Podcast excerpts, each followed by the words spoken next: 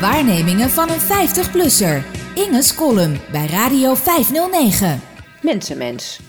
Je hebt van die types die de hele dag lopen uitstralen dat ze erg gelukkig worden van soortgenoten in hun buurt.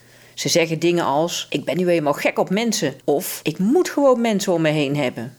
Het komt regelmatig voor dat je iemand, gevraagd naar zijn aspiraties voor een baan, opleiding of vrijwilligersfunctie, aarzelend hoort zeggen: Iets met mensen lijkt me wel leuk. Alsof je iets anders zou kunnen doen. Tenzij je hondentrimmer of ponyfokker wilt worden natuurlijk. Maar zelfs dan zul je je, mogelijk meer dan je lief is, moeten verhouden tot de bazen van die honden die je knipt of de liefhebbers of handelaren die jouw ponies kopen.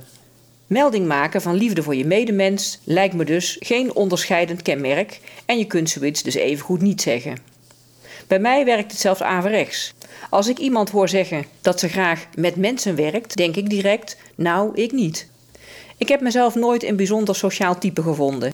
Ik heb maar een paar echt goede vrienden en die heb ik al decennia. Ik begin nooit uit mezelf een gesprek met een vreemde, ook niet in een situatie waarin ik dat best zou kunnen doen.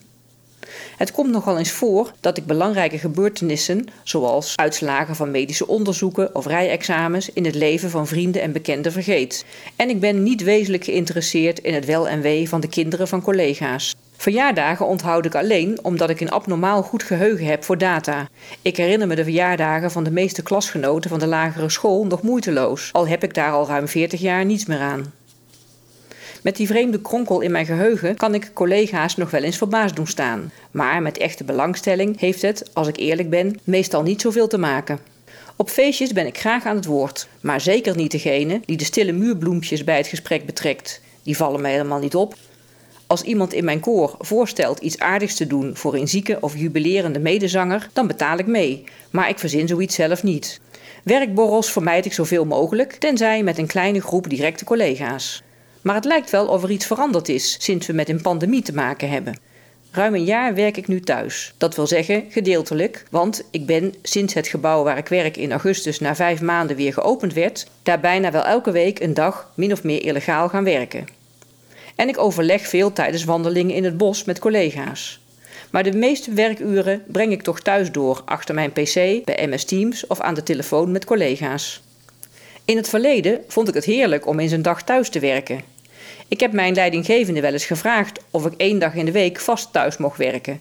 Maar dat vond ze geen goed idee. En ik was het eigenlijk wel met haar eens, want ik was zelf ook bang dat ik door het gebrek aan contact met collega's informatie zou mislopen. Dat laatste is natuurlijk onzin gebleken. Kantoortypes als ik, die het vooral moeten hebben van tekst in de vorm van overleggen of geschreven informatie, kunnen dat heel goed thuis doen. En online of via de telefoon contact met elkaar houden en gegevens uitwisselen. Ik zie veel mensen om me heen die dat heerlijk vinden. Ze moeten er even aan wennen, maar nu waarderen ze de vrijheid. Lekker thuis tussen je eigen spullen en te midden van het eigen gezin. Collega's en vrienden van wie ik het het minst verwachtte, blijken op te bloeien door het thuiswerken. Ze voelen zich vrij, bevrijd van toezicht, minder opgejaagd. Ze gaan opeens wandelen en fietsen tijdens werkdagen. De mensen uit mijn team die op school het meest praten en tijd voldoen met onbenullige gesprekjes, lijken het nu thuis het meest naar hun zin te hebben. De stille teamleden ontmoet ik daarentegen het vaakst op school, waar we elkaar een beetje gegeneerd uitleggen waarom we er zijn. Ik ben in de luxe positie dat ik thuis een ruime werkkamer heb. Geen kinderen die aandacht vragen, geen lawaaierige buren. Een huisgenoot die in zijn eigen werkkamer zijn eigen dingen doet. Ruimte om al pratend in mijn headset heen en weer te lopen, de was op te vouwen of te strijken. En tenslotte een goede internetverbinding om het contact met de buitenwereld op gang te houden. Maar ik vind er niets aan. En het wendt ook helemaal niet, kan ik inmiddels vaststellen. Ik zie de voordelen best wel. Als het hard regent, hoef ik niet naar het station te lopen. Ik kan ochtends langer in bed blijven liggen of ik kan wat vroeger opstaan en met onze honden naar het bos gaan voordat ik aan mijn werkdag begin. Niemand ziet of ik mijn 8,5 uur per dag echt vol maak. Ik kan werken of andere dingen doen wanneer ik dat wil. En toch wil ik liefst direct weer terug naar normaal. Elke dag in de trein, de bus, de sneltram. Ook als er sneeuw ligt, het regent, de trein overvol of te laat is of helemaal niet komt. Want ik mis de praatjes met collega's bij het koffieapparaat, op de trap, bij de receptie. Ik mis de loze tijd tussen twee afspraken in, samen met iemand door een gang lopen. Door de binnenstad op weg naar een ander gebouw, hulp vragen aan een beveiliger om me naar de juiste zaal te brengen.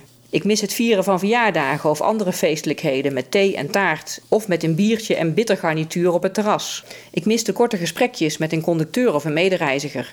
En ik mis vooral het geluid van groepen studenten. Anders altijd het decor van mijn werkdagen. Gepraat op de gang en de trap, schreeuwend met elkaar in gesprek voor de schooldeur terwijl ze hun fietsen rinkelend van het slot halen. Het gemurmel van een hoorcollege in de zaal beneden. Gerammel van servies en bestek en gelach in het restaurant. Ik mis kortom mensen om me heen. Dat wat men sociale contacten noemt. De kletspraatjes over niks, de vakantie, het weekend, het weer, zieke familieleden, de schoolkeuze voor de kinderen, het verbouwen van de badkamer, blaadjes op het spoor. Het lijkt wel alsof ik toch een mensenmens ben. Wie had dat gedacht? Een goed gevoel. Een goed gevoel. Radio 509.